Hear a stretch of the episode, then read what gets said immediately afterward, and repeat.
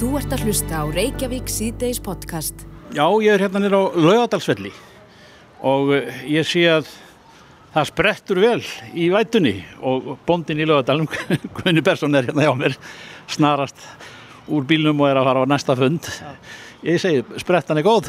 Sprettan er góð og takk fyrir að kalla mig bónda. Ég held að þetta sé nú bara fyrsta skipti sem ég heilt um það mig sagt en, en já, kannski húsbóndi en, en allavega, jújú, jú, sprettan er góð og völlurinn bara lítur vel út og, og, og grasi er að grænka víða og þetta sólinn að hækka lofti og boltinn byrjar að rúla þannig að þetta, þetta horfur allt í betri vegar hjá okkur. Þið njótið þess sem að gert var í vetur fyrir undirbúning leiksins einn á sanna? Já, það má segja það við, við, við svona, hann var komin í hörku formvöllurinn já. í mars með við þann ástíma en síðan þurfti að gæta þess þegar að hýta, svona túðum var tekin af og fleira að, að svona minka hýtan yfir honum og í honum svona jaft og þétt, þannig að, að Kristinn Vallastjóri gerði það bara af glæsi brag og þannig að völlunum bara lítur mjög vel út.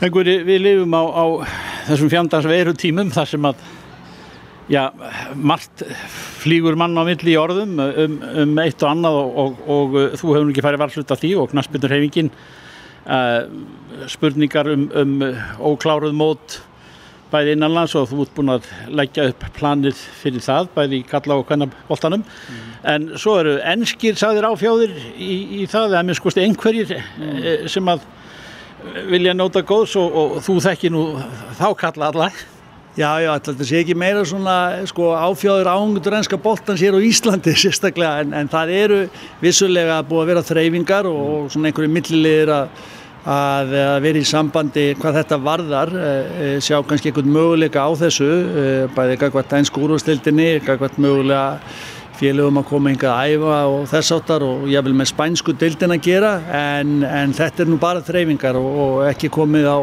í neitt svona formlegan farveg. Þannig að eh, við tökum þessu nú bara svona með af yfirvegun og, og, eh, og þetta ef að einhver efni standa til að skoða þetta nánan þá þetta gerum við það með stjórnvöldum þau eru meðvituð um þetta og, og þannig að við sjáum bara hvað setjum með það. En, en ég held nú að fyrstu kostur auðvitað í þessum löndum er auðvitað að klára sín mót uh, annars vegar innan, innan Englands og síðan á, á Spáni. Þannig að, að ég held að það sé nú líklegri niðurstöða Þeir hafa ekki tekið ákvörðin að það um að, að, að stilt upp loka plani fyrir mótið í ja, síðasta vetur? Nei, það fer nú að stittast í það. það að, ég held að það sé svona loka frestu til 2015. mæi mm. ákveði þetta. Mm. Þannig að það er, það er bara yfirvöldi eru auðvitað að reyna að gera þetta að besta með sem bestum hætti í Evrópu víða og, og eh, þannig, að, eh, þannig að þetta, þessi mál fara að skýrast en, en ef að til kemur að, að, að við fáum einhvers konar kall eða einhvers konar beðni þá munum við bara skoða, farið það og skoða. Mm. Já, evrósk, evróska toppdildin kall á hvenna er, er, er planlögð víðast í Evrópu nú á þessum degi? E, já, það var að reyna að ljúka þessum deildum og, og bak við þetta eru auðvitað miklu hagsmunir fjárhagslegir út af sjónsettindum og þess að það er það sem að hvað mest auðvitað liggur á bakvið að, að, að auðvitað félagin reyða sig á þessa fjármunni og þessa peninga.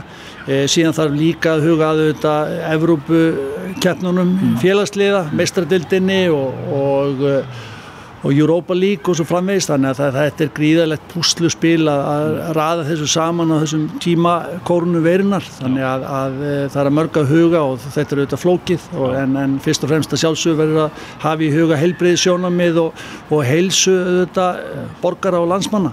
Þú nefnir fjármunni, auðvitað er það allt um uh, líkjandi en, en uh, hvernig stendur KSI svona í þessari orrarhýð, peningalega? Við stöndum bara alveg ágætilega að þakka fyrir. Það eru svona óvissu tímarsamt. Við vitum ekki alveg hvað verður núna með höstunu, bæði með landsleikina, með, með þjóðadildina og, og uh, umspilið. Þannig að við vitum ekki alveg hvaða sviðsmynd við verum að eiga viðvarandi árundur og jafnvel varðandi hvort að þessi leiki farið fram og það skapar auðvitað óvissu með okkar fjárhag. E, þannig að en, en annars er fjárhag kási mjög traustur og, og við auðvitað erum að, að reyna að að greina stöðuna bæði fyrir okkur og ekki sístöðu þetta fyrir aðeldafélagin í landinu sem að við erum að að fara yfir svona hlutin og reyna að ræða við stjórnvöldum um aðkomu þeirra að þessum rekstri eins og öðrum rekstri í þjófélaginu og, og, og það, við erum að reyna að gera okkur besta með það til að reyna að, að láta þetta allt saman ganga upp þannig að við getum haldið út í þetta eðlulegu starfi hjá íþjóttufélagunum. Svona lókungunni, landsliðin, hver, hver er þeirra vekkferð út þetta árið, svona í aðalatriðum? Já, það er allavega planið eins og er að, að yngir landsliðin fara líka á stað þá þeirra líður á. Þarna, það er ekki alveg vita hvernig verður með svona, svona keppnir á, á Evrópakeppninu og þess áttar en allavega að starfið fer, fer stað með haustinu og síðan með kalla landsliði líka varandi þjóðodildina þá í september sem að ætti að byrja þá og síðan umspilið mögulega í, í oktober og nógumber og auðvitað stelpunar eiga eftir mikilvæga leiki auðvitað í umspili fyrir Evrópakefnina e, eða í reylakefnin þar mm -hmm. þannig að e, þetta er allt svona sem á að vera á döfunni en, mm. en við erum ennþá að, að auðvitað, það er ekki ennþá alveg komið staðfest að, að þessi leiki fari fram við verðum auðvitað bara að meta stöðuna og evrósk mm. stjórnvöld e, knaspinu völd í, í kringu það þannig að það er svona staðin í dag þannig að ennþá einhver óvisa en, en þetta fer auðvitað alltaf skýrast og áfram ringja vinniðinn í Franglandi og er að spyrja mæfingaflós Já, já, það maður, ég meina þannig, það er svo ekki verið að ringja mikið í mig en, en, en ef að svo bara við að mann vildi koma hérna, þá þittir bara auðvitað það er skoðun. Það er ekki nefni skoðun, nefni alveglegri skoðun allavega mérvitandi, eh, kannski er einhver að veltaði fyrir sér en þá allavega eftir að koma frekar upp á yfirbúrið. Gunni Bergson, fórum að KSI, kæra þakkir, ég ætla að uh, kíkja aðeins á hæskapin hérna á vellinum. Já, Þú ert að hlusta á Reykjavík C-Days podcast. Jæja, e, morgunbladið í morgun, eða já, segir að því að, að vinstri græn hafi lagst gegn því að ráðist er því stórfælda framkvæmdir á vegum. Allarsafsbandalagsins á Suðunisum mm -hmm. var umfang framkvæmdana talið myndir hlaupa á 12 til 18 miljardum króna en lítils mótframlags var krafist frá Íslenska ríkinu. Já. Og þetta herma heimildi morgunbladisins innan ríkistöðarflokkana. Samkvæmt þeim hafnaði flokkurinn þessum áformið þvert á vilja samstagsflokka sína í ríkistjórn, framsóknar og sjálfstæðisflokks. Þetta hljóta vera slæmt tíðindi inn á þetta svæði mm -hmm. sem að atvinnuleysi mælist hvergi herra en eh, einmitt á, á Reykjanesinu.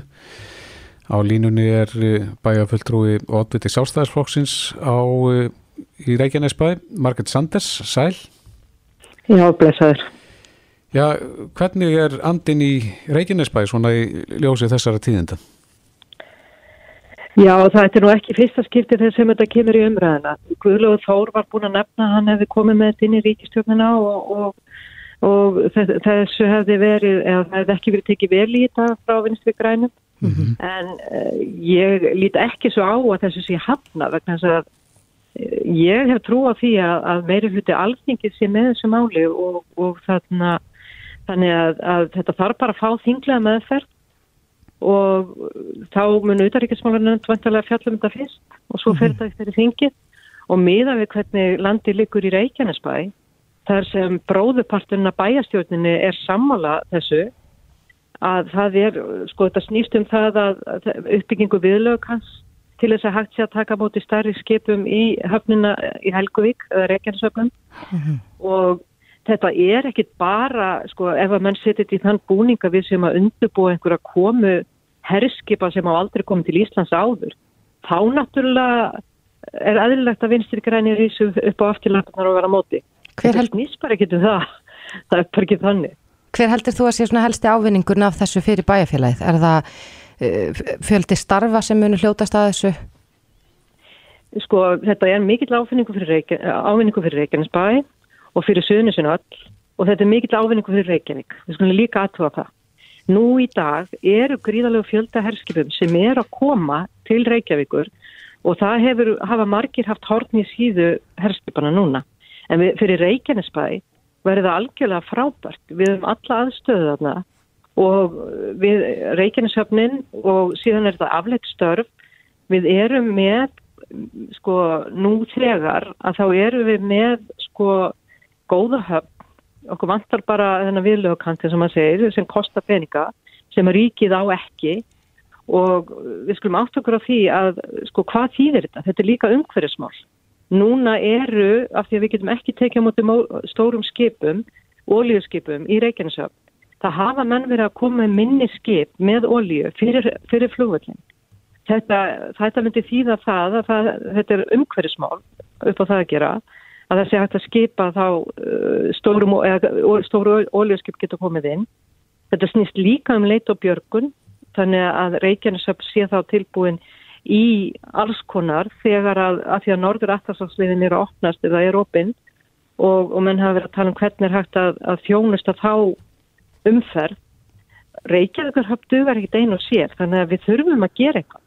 Og ætla ríkið þá að fara að kosta einhverja miljardar þarna sko við erum ekki að tala alltaf um bandaríkja hér, svo erum við alltaf upptegnað af því, við erum að tala um NATO og við erum að tala um Danmark og Norrmenn og fleiri, þannig að við þurfum að vera miklu jákvæðri og við viljum vera í NATO og við hefum bara að, að, að vera með. Já, vinstir græni vil ekki vera í NATO. Nei, og hverjir eru með meiril þetta á tingi? Þetta snýst ekki bara um ríkistjórn, þetta snýst um okkur Íslandika Já. Og við erum líka að keppa við önnu land eins og til dæmis með leit og björgun. Mm -hmm. Þannig að við þurfum þá að skapa góða anstöðu saman til þess að þjónustöða og ef það er einhverstað gullið tækifæri þá er það í Reykjanesbæðu. Ég vil ítrekka það að allir, ég held að flestir flokkar, allavega bróðupartunum af bæjastöld Reykjanesbæjar vill þetta og samfylkingin er með, er með forma bæjaráðs og hann er við þegar tjásuðum álið þar sem að hann vil algjörlega skoða þetta.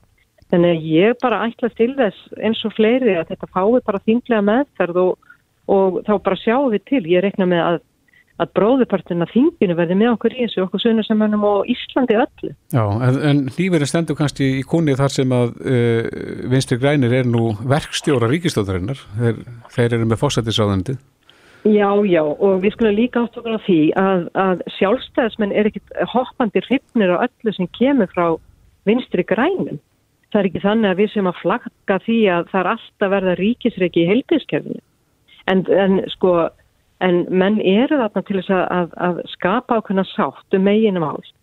Þetta, sko, þetta myndi, ég myndi alveg skilja það ef að vinstri grænu myndi vera mótið þessu ef að við verðum að búa til einhverja nýjar leiðir eða nýjan vettfangum að fá einhver herskip hingað.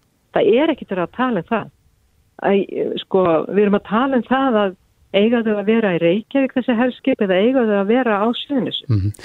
En þú ert í, í góðu talsambandi við uh, kollegaðina, þessi sjálfstæðismenn í ríkistjóðinni. Hvað er þetta mál start núna og, og uh, liggur á að drífa það í gegn? Okkur liggur á Sviðnissumannu að fá von, að fá jákvæða fréttir, að fá kraft á svæði og það er það sem við viljum því að þetta eru gríðarlega tækifæraðna fyrir okkur öll og við erum tilbúin og, og, og bæjastöldreikinnsbæður og ég held bara suðinu sinn öll er tilbúin. Og nú verða menn bara að, að gefa sér í brók og, og taka umræð um þetta án þess að vera með einhver gífurilli og taka bara umræð um þetta samþykja þetta, koma þessi í gang og við erum bara tilbúin. Já, og vantalega það bæjarstjórnin eins og hún leggur sig uh, meirluta minnuluti samstíga í því? Já, ég myndi segja þá, ég, sko, við höfum ekki tekið þetta formulega fyrir í bæjarstjórninni. Við höfum rætt þetta vegna þess að 16. april síðastliðin, þá var til dæmis sko, stjórn Reykjanesafnar, þá var hún með ákveðna álygtun sem að síðan skrifað um og þá varum við að tala um helguðukurhafn og um mitt hafnarastöðuna og við skulum átt okkur af því Þar voru fimm stjórnamenn allir samálaðis og það er mikil, uh, mikil eining um að það þurfi einmitt að, að búa eða, eða setja auðvitað viðlökan til þess að taka mútið stærri skipum í Helguvíkinni þannig að við komum til með að stiða þetta. Það er ekki spurning og, og meiri hlutin hefur tegar og, og Þormaður Bæjarás sem er samfélkingamæður hefur tegar tjásu um það að þetta þarf bara að fá efnislega meðferð hjá ríkistjórn og alþingi og svo á bara kerið í gang. Puntur. Margret Sanders, bæjarfulltrúi sjálfstæðarflokks í Reykjanesbæ. Kæra þakki fyrir þetta. Já, takk fyrir það. Bless, bless. bless, bless. Hlustaðu hvena sem er á Reykjavík C-Days podcast. Reykjavík C-Days heldur áfram. Við lásum fréttir að því að Angela Merkel Þískaland kanslari mm. hefur eh, já, staðfest að fulltrúar leini þjónustu rúsneska hersins hafi brotist inn í tölvukerfi hennar árið 2015. Já, og uh, þjóðverðar eru nú með fína leini þjónustu sjálfur og Já. Uh, eiga að vera með fína varnir í þessu en, en Valdimar Óskarsson, frangatastur í Sindis, er komið til okkar. Sindis er, eru sérfræðingar í öryggismálum einmitt þegar að kemur að netinu. Velkomin. Takk fyrir. Við veltum fyrir okkur svona í framaldi að því að lesa þessa frétt. Hvernig allir Íslendinga standis í þessu? Er geta þessar stóru leinin þjónustur bara gengið hérna óhendrað inn í kerfin okkar? Ég myndi kannski ekki segja að getur gengið óhendrað inn en ef þú myndi spyrja mig hvort þið væru þegar inni, það er kannski önnu spurning vegna þess að og kannski annað svar sem er kannski já vegna þess að, að þessar stó, þessi stóru leinin þjónustu þær búa sér til sín eigin tól og eru kannski þegar á þeim búna þessi keftur er og settur upp mm -hmm. og einum ímsa stöðum þannig að kannski þurfar ekki að brótast inn kannski eru þau bara inni eins og hvernig búnaði? Þú getur verið að kaupa sjónvörp, þú getur verið að kaupa þessi smart, þessi tæki sem tengdir í internetinu, mm -hmm. þú getur verið að kaupa netbúnað, farsímar og eins og þjónusu sem settar eru á símana mm -hmm. það var ekki alls fyrir löngu sem að var Ísraels, Ísraels fyrirtæki sem að braut WhatsApp sem getur hlerað hlera fólk nú við erum að sjá til dæmis að það eru stóri viðbúrir það sem að NSA býst til þess að setja upp svona hlerunabúnað til þess að koma í veg fyrir hriðverk þegar að atbyrjun er búin, þetta getur olimpíuleikar eða eitthvað, eitthvað slíkt að þá skilja þetta kannski eftir og fara bara að hlera einhverja aðra. Þannig að þeir eru kannski inn á fjarskiptakerfum. Mm -hmm. erfitt um það að segja en þetta sé mjög erfitt að verja þessum, þessum stóru stopnunum sem eru bara með valikunni lið í, í hverju horni að skrifa einhvern kóða sem er ætlaður til þess að, að ná upplýsingu sem þeir ætti ekki ná. Já, en það er ljóst að Ísland er, er hernaðilega mikilvægt uh, úr staðsetning landsins en við erum aðeins að NATO Hvernig eru er við að hugsa nógu vel um þessi atrið þar að segja að verjast því að það setja brjótast inn í tölvukerfi, tölvupost, samstíkti og annað slíkt? Ég held að statusin á Íslandi sé, hann er kannski ekkert framúrskarandi en svona gegn eðlilegum eða venjulegum tölvu árásum er hann þokkalögur en gagvar svona advanced eða flóknum aðgerðum eða aðferðum sem er notuð af eins og NSA og Ísraelum og Rúsum og hvaðan, hvaðan þeir koma. Það held ég að sé bara gríðarlega erfitt að verjast. Og eina leginn til þess að tryggja sig það er að tala bara um málefni. Við höfum séð fundarherbyggi sem er búið að svæpa eða skima fyrir óæskilugum búnaði sem nefnur einhverja radiobilgjur uh, menn fá ekki að fara með síma inn það eru engin tæki inni og þetta eru einangru herbyggi sem, að, sem ekki hættir að hlusta í gegn þetta eru staðirni sem er talað með um sem mikilvæga málefni Er þetta að finna hér, hérlandi? Ég hef séð þetta hér, já mm -hmm. en það er já, það er ekki hjá vennilegum íslenskum fyrirtækjum við svo hef ég heyrt af fundum í vennilegum íslenskum fyrirtækjum eða stórum fyrirtækjum, það sem svona hefur verið gert aðli fengi á staðin fengin á staðin til þess að kanna hvort það sé einhver óæskilugu búnaður sem getur verið að mhm. nefna einhverja bylgjur. En heldur það að sé mikið um uh, svona yðnanjósnir hér? Ég held að menn ætti að vera allavega á Varbergju og, og menna, við Íslandi er náttúrulega þekkt fyrir hátækni búnað í, í sjáarútvernum, í lífjatækni þannig að menn ætti að passa sig mjög vel því að þetta geti heikstálust verið til staðar. Mm -hmm. Heldur að við séum svolítið svona grandvara laus, gagvert svona? Ég myndi ekki segja að allir væru það. Við vinnum fyrir fyrirtæki sem eru mjög ábyrg og, og eru með mikla varu á rástafanir og, og mjög takmarka hvað má og hvað hægt er að gera og okkur finnst það bara geysilega gaman. Svo sjáum við önnu fyrirtæki sem eru minna örug og ofta tíðum bara, já, við getum meila sagt bara fyrir eitthvað óörug mm -hmm. þannig að, og það getur verið fyrirtæki sem eru hyggstalaust hafa að geima einhver svona innað lindamál Eða mitt En uh, að því að við ætlum að ræða hérna setni þættinum um sko trafíkin á netinu sem að, sem að jógst í þessu ástandi en, en hefur, hefur tölvu árásum fjölgað í kjálfarið og svona kannski netglæpum? Tölvu árásum og netglæpum hefur fjölgað mjög mikið. Menn hafa verið að senda út veiðiposta það sem að COVID er nota sem, sem svona ungul til að ná í fólk. Þannig að já, það hefur, það hefur aukist mjög mikið, menn að hakkerarnir þeir þurfi ekki að mæti vinna, þeir vinna heima og fá kannski meiri tíma í að, í að gera eitthvað af sér sem er ekki mjög æskilegt en, en enga síður það, er, það hefur greinlega aukist, já mm -hmm. Með hverju mæl eru fyrir fólk svona að almennt séð, eitthvað svona varðar ástafarnir fyrir bara hinn almenna borgara þess að verjast svona?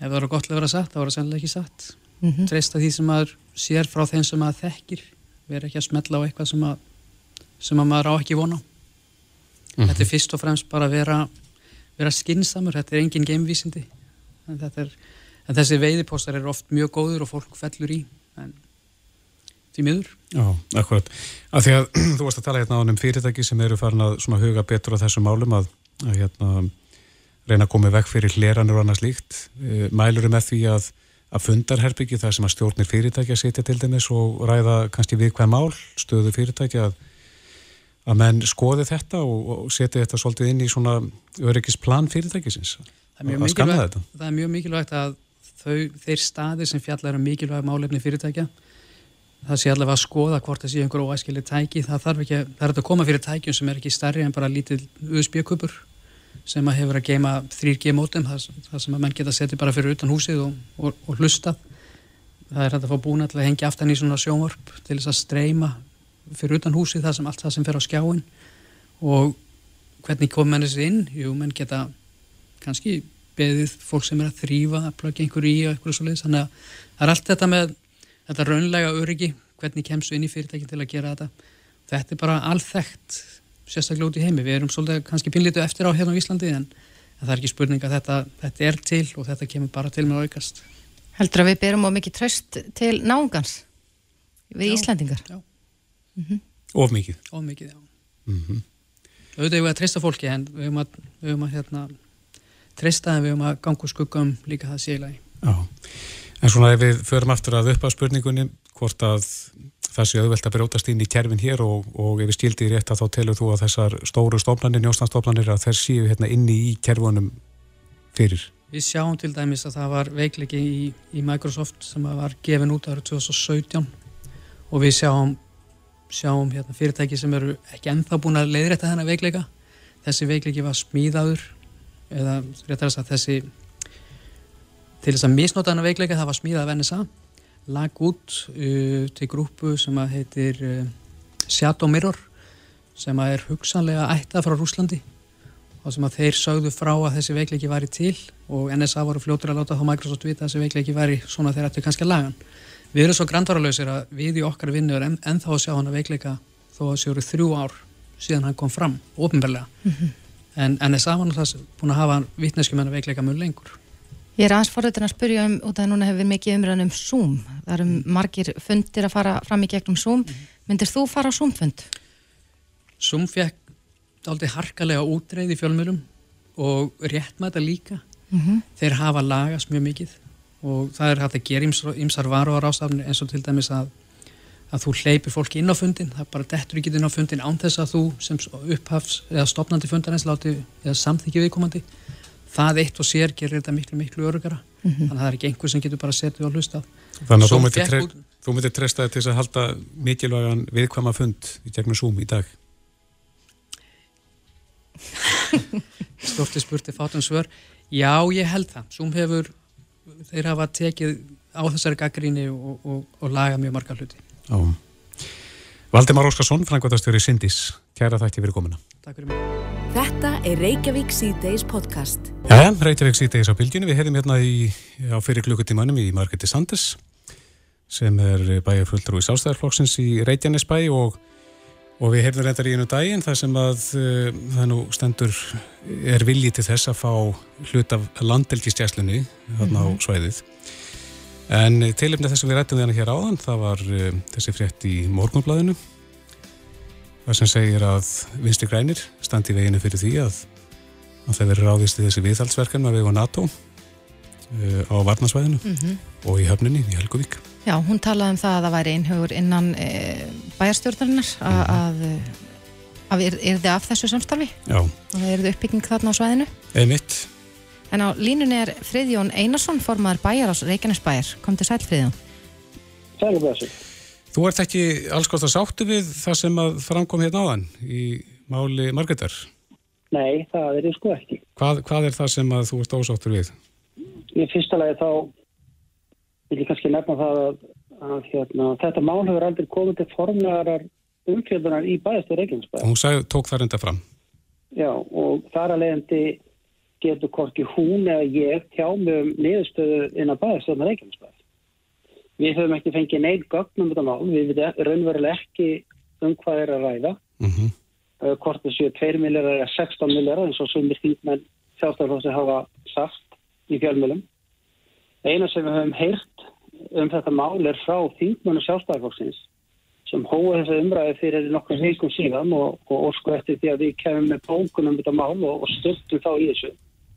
Og það var alveg samhljóma, svo ég noti það orð, meirinn hlutans að gera það ekki að blanda okkur inn í mál sem var ennþá á borði ríkistjórnar, ekki farið fyrir auðaríkismálanemndina eða alltingi, að við farum að bóka eitthvað stuðning við það að NATO færi uppbyggu hérna eða bandaríkjumenn, þá er þetta engin gögn í málinu. Þetta er svona aldrei hérseg og eftir til þess að sveitastjórnar fólk rjungi til og bóki um málið er úr öllu korti. Og það er svona misbýðum mér þegar ég hlusta á bæjarfulltrúa Margreði Sanders segja núna og áður um að það sé einhver einhugur og vittan eða annars uh, í mið. Þetta mál hefur bara ekki verið rætt. Nei, þannig að þú tilhör það sé ekki einhugur um það að, að koma þessu verkefni á? Ég, sko, þetta er eins og að spurði þetta í lofti að því að ég hef ekki séð neitt gögn.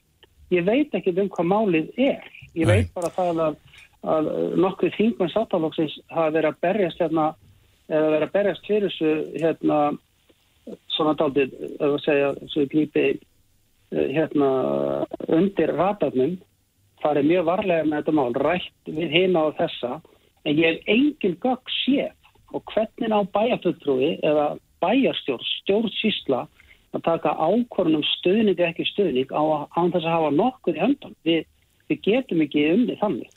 Kallaru eftir þessum gögnum eða? Já, við höfum, nei, nei, nei, ég hef ekki gert það, en það, það er engin, engin alltingi en ég ríkistjón hefur rætt við okkur um þetta. Við hefum ekki séð neil gögn. Við fréttum bara það að, að Guðilögur útæringsráð þeirra hafi fjallað um þetta óformlega ríkistjónuhundi. Við veitum ekkert meira það. Nei, en það vera... Eh, finnst þér þetta físilegt ef, að, ef að þetta er í bóði? Ég veit ekki hvað er í bóði ef að þetta sem að rættir um í fjölmjölum eins og til dæmis þarna í morgunblæðinu ef þetta eru 12-16 miljardar finnst þér það físilegt að fá þetta þá inn í, á ykkar svæði? Ég get bara ekki svara því þú veist, Nei. ef einhver vil koma hérna og lagfara höfnunni hjá okkur þá vil maður vita með hvað skilur það er um hvað snýst þetta, mm -hmm. til hvers er þetta og það er bara, bara mjög rámt að mér að, að segja já núna vitandi ekkert um hvað máli snýst í raun og veru. Og það að vera að frýsta einhverju svona í gegnum sveitisöndum á söðunisjum er alrang meðferð. Og, og að stilla sig hann upp vinstir græna sem einhverjum óvinnum við þessu máli við tök, viljum ekki taka þátt í því, alls ekki. En ég er aftur mútið tilbúin og meirulutin að taka, taka viðtalið um uppbyggingu Helgavík við erum búin að býða eftir því samtali mörg ár hjá Rísefni mm -hmm. að taka þá umræðu en það er enginn uh, formulegur aðili haft samband við okkur. Engin. Nei, en þar til að, að það gerist þá verður nú bara býð og sjá en uh, Friðjón Einarsson kæra þakki fyrir þetta. Takk fyrir. Reykjavík síðdeis á bylginni. Reykjavík síðdeis á bylginni. Í gær uh, töluðu við eins um sjálfstætt starfandi sjúkraþjálfara Já. og þar sem að, að já, það virðist vera að það sé einhver seinagangur hjá vinnumálastofnun að greiða þeim sem eru sjálfstætt starfandi mm -hmm. vegna hlutabótaleðarinnar og hefur skapast mikil umræða meðal þeirra um, um já, hafa ekki fengið greitt svo vikum skipti. Já, og við heyrum, eh, þetta er ekki bara með sjúkarþjálfara, þetta eru bara sjálfstætt starfandi, mm -hmm. saman hvort að það er þá hárgræslu fólk eða, eða hársnýrtar eða hvernig sem það er. En eh, já, eitthvað, eitthvað svona, eitthvað piklis í kerfinu sem að er verið að þvæla svolítið með málinn fram á aftur og við hefum heyrt að nú hafa liðið tvenn mánu á mót þar sem að þetta fólk hefur ekki síðan eina greiðslu mm -hmm. en Unnur Sveristóttir fórstjóri vinnumálastofnunar er á línu, kom til sæl Já, komið sæl Já, hvað segir þið? Hvernig stendur á þessum senagangi varandi sjálfstæðstarfandi? Eh, þetta er nú kannski ekki svo mikil seinagangur allstafar en það er, er hefur gætt svolítið miskilings sjálfstæðstarfandi e, sækja um í almennakerfinu hjá okkur og þeir eru törðast flóknar í afgreifslu heldur en og þeir eru rauninni ekki inn í þessari hlutabóta leið mhm. heldur eru þeir inn í almennakerfinu sækja bara um sem sjálfsættarandi og svo var komið til mótsrið með því að minka kröfunar um, til, til svona útbótaréttinu sínum og það var að þeir það var nægilegt að þeir skilur inn svo kvöldur 503 vottarinn frá skattinum um að það er orðið samdráttur í rekstri hjá þeim. Já, en þeir eru margir hverjir að fá síðan stílabóðum það að þeir eiga stíla 504 sem er ekki rétt. Já, það Hringja síðan eiga erfitt með hann á sambandi við ykkur og, og svona já, það er talað. Já. Já, það, það er mjög erfitt að ná sambandi við okkur. Það var alltaf vita og það, vit, það vitum við. Það eru, sko, núna þessi mánamót, það var náttúrulega, eru þau erfiðust í sögustofnunum því að við erum að greiða hérna út uh, uh, atvinnuleysist tryggingar til bara 36.000 í hlutabótum Mhm. og 16 til 17.000 í almennakerfinu þannig að þetta er yfir 50 manns 50.000 fyrirgeðu Já. þannig að svona sem dæmi þá greitum við í kringum 22 miljardar allt árið í fyrra í atvinnuleysistrygginggar en á- í þessi mánamót núna erum við að fara að borga 12 til 13 Já.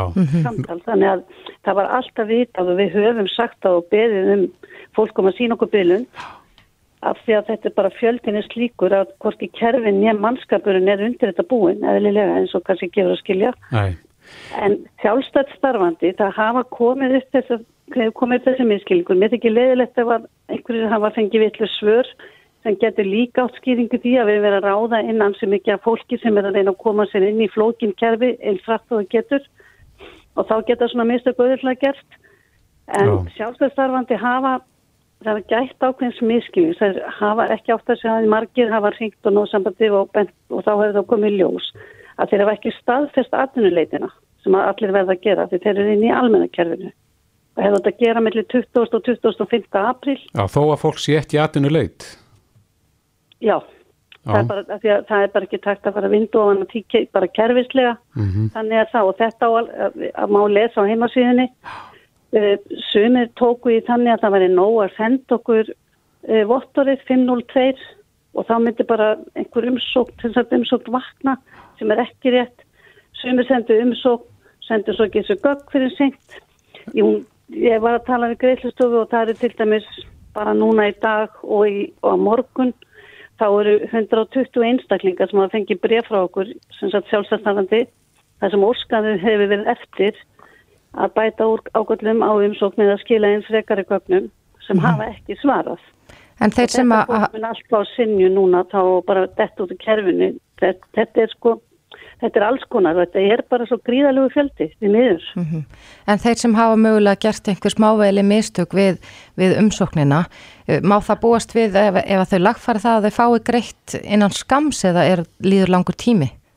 Það er til hægt að greiða úr því. Eh, Það er náttúrulega langt, langt flestir búinir að fá greitt. Við erum að tala um 2500 til 3000 manns. Hvað eru margir sem eiga Það- eftir að fá úrlöst sinna mála? Mm, við höldum að það séu í kringum núna við, kringum 800 sínist mér núna. Já, við heyrum til dæmis á hjónum sem eru bæði sjálfstæðstarfandi sjúkarþjálfarar og það er engin innkomin á heimili á þeim. En þá finnst mér mjög, sko, mjög sennilegt að það vant eitthvað upp á umsóknina eða þá að þeirra ekki staðfest atvinnuleitina í apríl vegna þess það er langt, sennilegast, sko. Já, það eru konar átta vikur þannig að mörgum þykir þetta svolítið langur tími.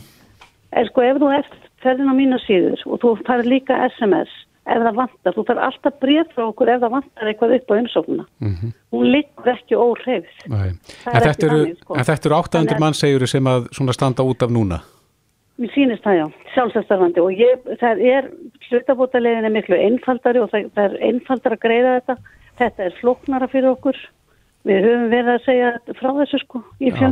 Alveg frá byrjun og þetta er bara, ég verð að segja eins og er, þetta er bara alveg ótrúlegur fjöldi miða við það sem þessi stopnun er að eiga við venjulega. Já.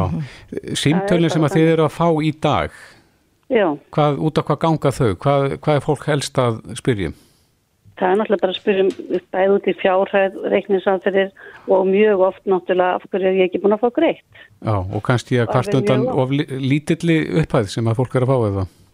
Ég hef það margir sem að kannski byggust um meira eða skil ekki útreikningin eða eitthvað slíkt, það er alls konar. Já, já. Og mjög margir, það er alveg mjög margir eins og í almenna kerfinu sem hafa ekki átt að sjá þetta, þessu með að staðfesta atvinnuleitina. Mhm. Og það hefur gengið mjög vel, þá bara þá breyta og lagfærum við það hjá okkur og þetta fyrir beint í greiðsluferli.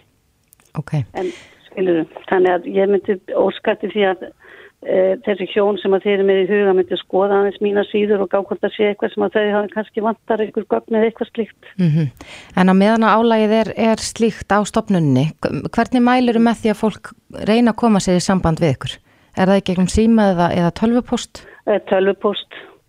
eða lesa, fylgjast vel með á mínum síðum, hvort það liggi fyrir brefið eitthvað frá okkur, einhverjar eða eitthvað slíkt, þannig að samskipt okkar fara við okkar skjólstæðingar fara um mínar síður. Já. Þannig að það er að liggja fram fyrir bref Mhm. eða þá senda tölvu post, það er líka. Þegar við tölum við þér síðast önnur þá vorum 50.000 eða rúmlega 50.000 mann sem að voru að komin í þessa leið hjá ykkur. Nei, það er alveg, það er, það er samtals, bæði almannaliðin já, og hérna og það. hlutabótaliðin. Já, en uh, hvað hefur þú tala hækkað eitthvað? Nei, það, er sem sagt, það hafa verið heilmiklar afskráningar úr hlutabótaliðinni í, núna í mæ, en það bara leið og samkomubanninu var er ekki aflétt en síðan það var rýmkað svona mikið að þá náttúrulega er væntalega til dæmis sjúkatjólariðar og hálfgræsluði fólk og snirtistofur og þetta er allt saman fólk sem er komið í vinnu. hver er talan í dag? Það uh, ég er ekki með töluna nákvæmlega en ég veit að það eru millir 7-8 þúsund sem að hafa afskráð sig. Já, Nú þegar það verður svolítið spennandi að sjá hvernig það verður um nýja mánuðin. Já, Að ég legg líka mikla áherslu á það að þeir sem eru komnir í vinnuna sín aftur, þó þeir sé að býða eftir greiðslu fyrir april, að þá verður þeir að muna afskráð sig í mæ, svo að þeir hérna fá nú ekki ofgreitt, ekki það betra, þannig að þau lendi ykkur endur greiðslu. já. Unnur Sveristóttir, forstjóri vinnumálastofnunar, kæra þakki fyrir þetta. Er þið takk sem er leiðis? bless, bless. Já, bless. Reykjavík síðdeis á Bilginni podcast. Reykjavík síðdís á bylginu heldur áfram. Þetta hefði nú verið mikil gleði dagur fyrir okkur held ég ef að eh, COVID-19 hefði ekki bankað upp á. Já, ert að menna varandi Eurovision? Já, ég er að meina það. Já, Við hefðum verið að keppa í undankeppni í kvöld eða daði og gagnamagni, ég sé alltaf við, Já, já. en jú, við, þjóðin. einmitt. Þetta er árið sem að við hérna, hefðum unnið. Ég, ég held í alvörn að þetta sé árið sem við hefðum unnið. Já, við vorum reyndar alveg hörða því líka eh, 1986 Já, að við myndum taka það með gleðabankanum. já, En lendum í 16. sæti, en þetta er einhvern veginn öðruvísi núna og maður finnur það, það er mikil meðbyr Mhm. með daða á félögum. En, eh, en þessi dag, þú segir, og hvað Já. það menn að gera í dag? Það er vist eitthvað húlum hæg kvöld, eitthvað keppni sem ég skil lítið í en ég er búin að fá til okkar hinga hans sérfróðari mann en það er Flósi Jón Ófeksson, formaður Fáses. Jú. Kom til sæl. Góðan Og Fáses er, er félag Félag áhafólksum söngvætjefni Evrópskra. Akkurat. Velkomin. Takk fyrir það. Herru, segðu okkur hans að þessum degi og þessum húlumhægi í dag. Já, heyrðu, um, það er bara brjálu dagskrá í kvöld uh, með fullta listamönnum og, og já, það er búið að, Rúfi er búið að búa til svona prógram fyrir okkur sem að erum búin að liggja svolítið í, í þunglindi, þannig að að vera ekki í róttindam akkurat núna að, að fagna með daða og gagna magninu.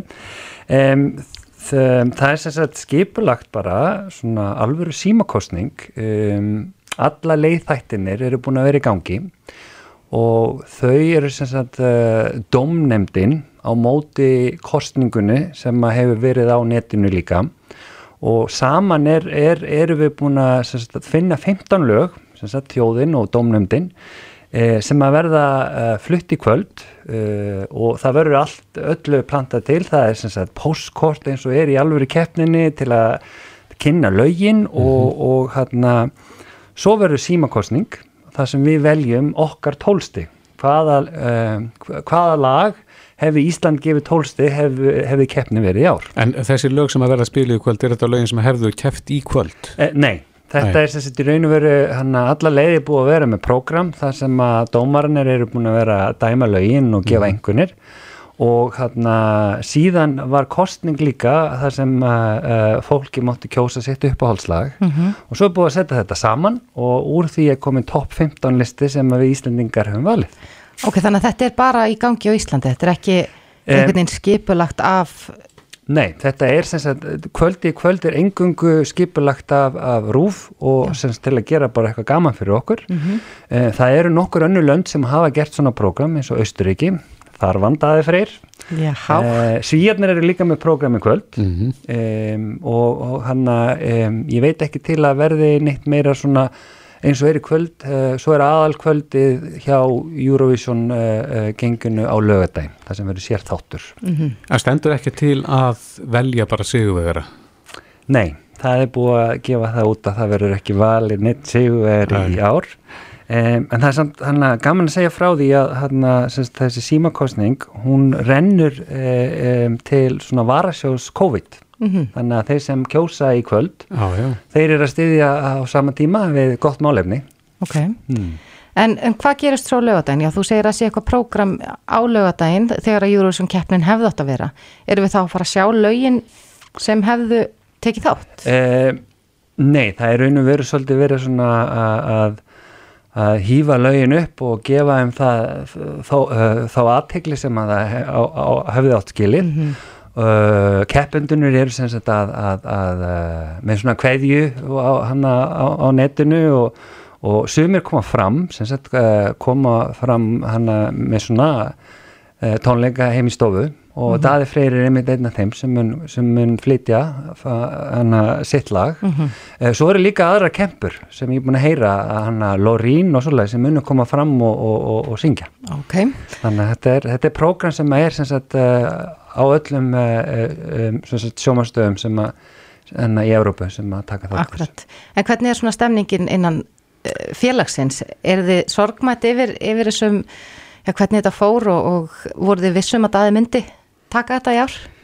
Um, Daði Freyr og, og Gagnamagni e, þau, eru- þau eru náttúrulega bara snillingar og það, það, hana, það sem er svo fallegt við þetta að, og frábært er að, að þau hafa hugsað út í allt. Mm konseptið ég menna núna bara eins og ef þú fer á daðifreyr.com þá getur þú búið, þína, e, búið til þína eigin peysu og haft bara andliti þitt í staðan fyrir daðafreyr og hana, um, þannig að, að, að við erum svona búin að gera eitthvað til þess að reyna að halda uppi gleðinni, við ætlum að vera með uh, Zoom-party svo sett að hittast á netinu lögadaginn og hann að við tengjum þá bara aðdöðandunar á Íslandi og þeir sem eru í, í klubnum saman og, og ætlum að gera hann að svona alvöru Eurovision party uh, ekki öll saman, það er ekki hægt eins og tímin er í dag Um, og hérna svo er bara fullta efni á fásis.is uh, þar, þar vorum við að gefa út frettabrifið okkar. Uh, þar er þetta að lesa allt um löndin. Það er þetta að hafa textana, það er þetta að syngja með horfa á myndböndin. Og þannig að, að, sjálfsverður við smá, smá niður lútin en, en, en gleðin er alltaf til staðar Já, ég sé það bara á þér. En uh, kannski rétt aðeins í lokin er að því að það vinnur enginn í ár. Nei. En það er margir sem að segja það að, að Daði hefði unnið. Já. Það kemur eitthvað til með að stíla sér til Daða Frey sem tónlistamanns eftir, eftir þetta allt saman eða ekki. Ég... Hann er orðin að sér þekkt. Já, hann, hann, hann er bara seguveri hann, þess ás myndi ég segja því að aðteklinn sem hann hefur fengið á samfélagsmiðlunum um, eins og ég segi þú veist þessar peysur, það gera svo mikið um, það, ef, ef þið eru að fylgjast með honum á Instagram og svona, veist, það, það er allt vittlust Já.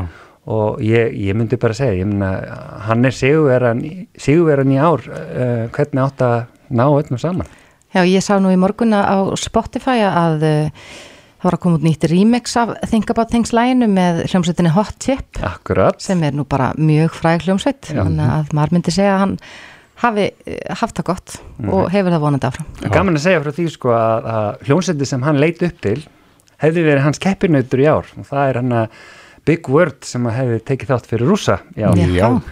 Þannig að þetta er skemmtilegt. Já, Flósi Jón Ófeksson, formaður Fáses, kæra þakki fyrir komuna. Takk fyrir mig. Þetta er Reykjavík C-Days podcast. Jæja, Reykjavík síðdeis, menn er ótt að taka saman ímsa tölur og gera upp ástand og uh, það var nú heldur betur ástand hérna þegar að samkómubandi var.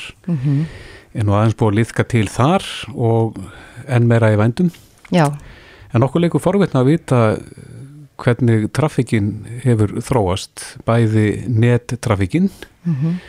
og svo símtölin öll á meðan á þessu ástand, ástandi stóð mm það hefur nú komið fram í fréttum að, að þessir svona tæknirísar og, og þessar streymisveitur hafa þurft að skrúa niður í hraðanum á, á efninu til út af því að það var svo mikil trafík og auðvitað eru já, flestir, ef ekki allir, búin að nota snjalltækin sín meira og Já, mitt. vera á fjarfundum og annað slíkt. Já, en Kjartan Brím frangotastjóri tæknisviðis Vodafone er komin, velkomin Takk fyrir.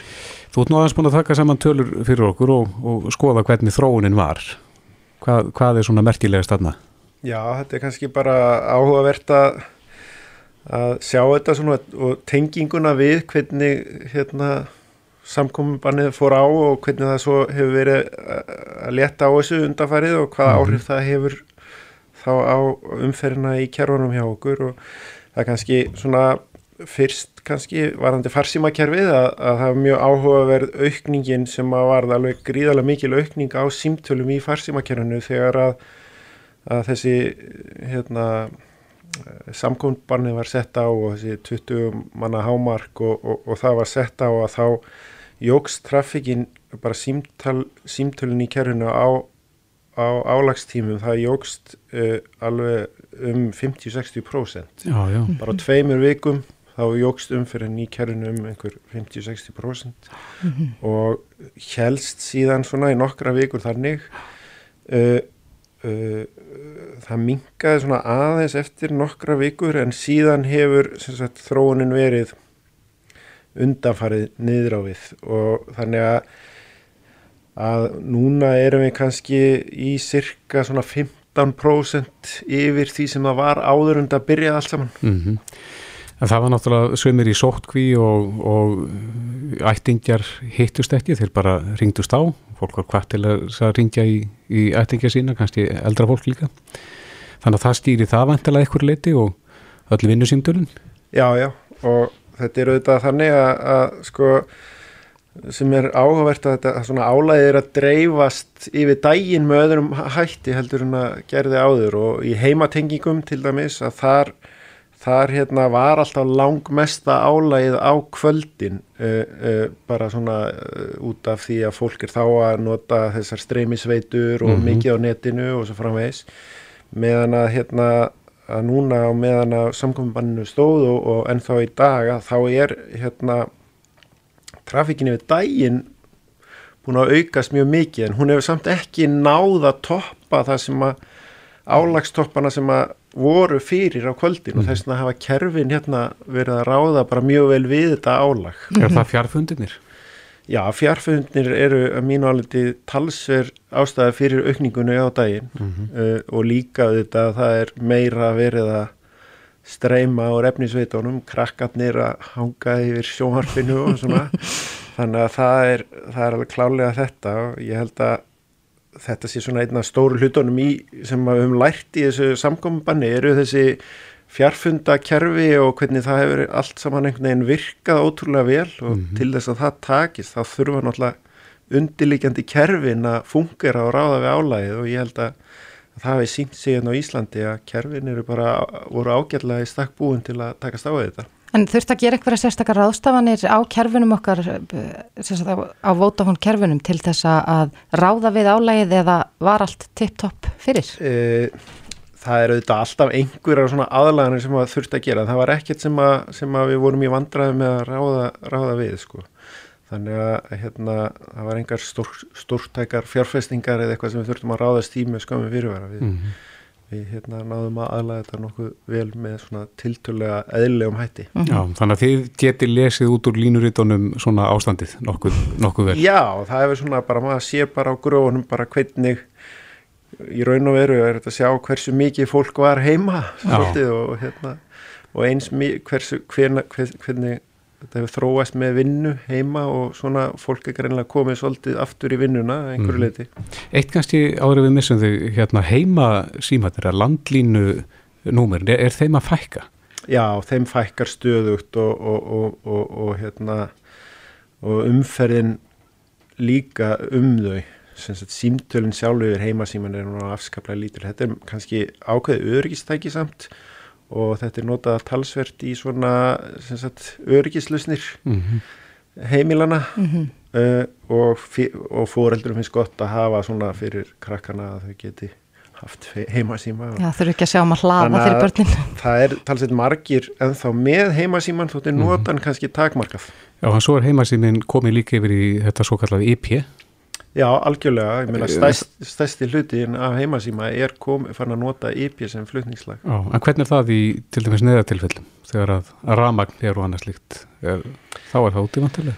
Já, já, þá er það bara úti. Ég meina áður fyrir þá var sem sagt með gamla heimasíman að þá, þá sem sagt var, var það símkerfi sjálft sem fætti ramagn yfir símalínuna til þess að, að, hérna, að, að símtækin virkuðu mm Mhm. í dag er þetta allt saman bara hérna yfir, notar þetta bara hefðbundna ramagni þannig að þegar ramagni fer að þá er heimasímin ekki, ekki alveg ekki örgistæki eins og til dæmis farsímin að því að, að að farsímin er náttúrulega með batteri og sendarnir sem að, sem að farsímin uh, farsímarnir okkar er að nota þeir eru alltaf með varafli og, og hérna sem að duga í einhvern ákveðin tíma og svona sumir með með díselrafstöðum og svoleiðis þannig að það er svona Þannig að mesta öryggi í dag er í rauninni í farsímakerfinu. Það er ekki endilega vegna þess að það getur líka skapast mikið álag þar þótt að ef, að- ef að segjum að rafmagni sé á en það sé eitthvað rosalegt að gerast þá getur verið yfir komið, komið yfir alveg á farsímakerfin en, en Mhm. hérna fastlínan er svona stabíli þannig þar Já. Kjartan Brím, uh, frangotastjóri Teknisviðs hjá Vodafone, kæra þakki fyrir komuna. Já, takk sem leiðis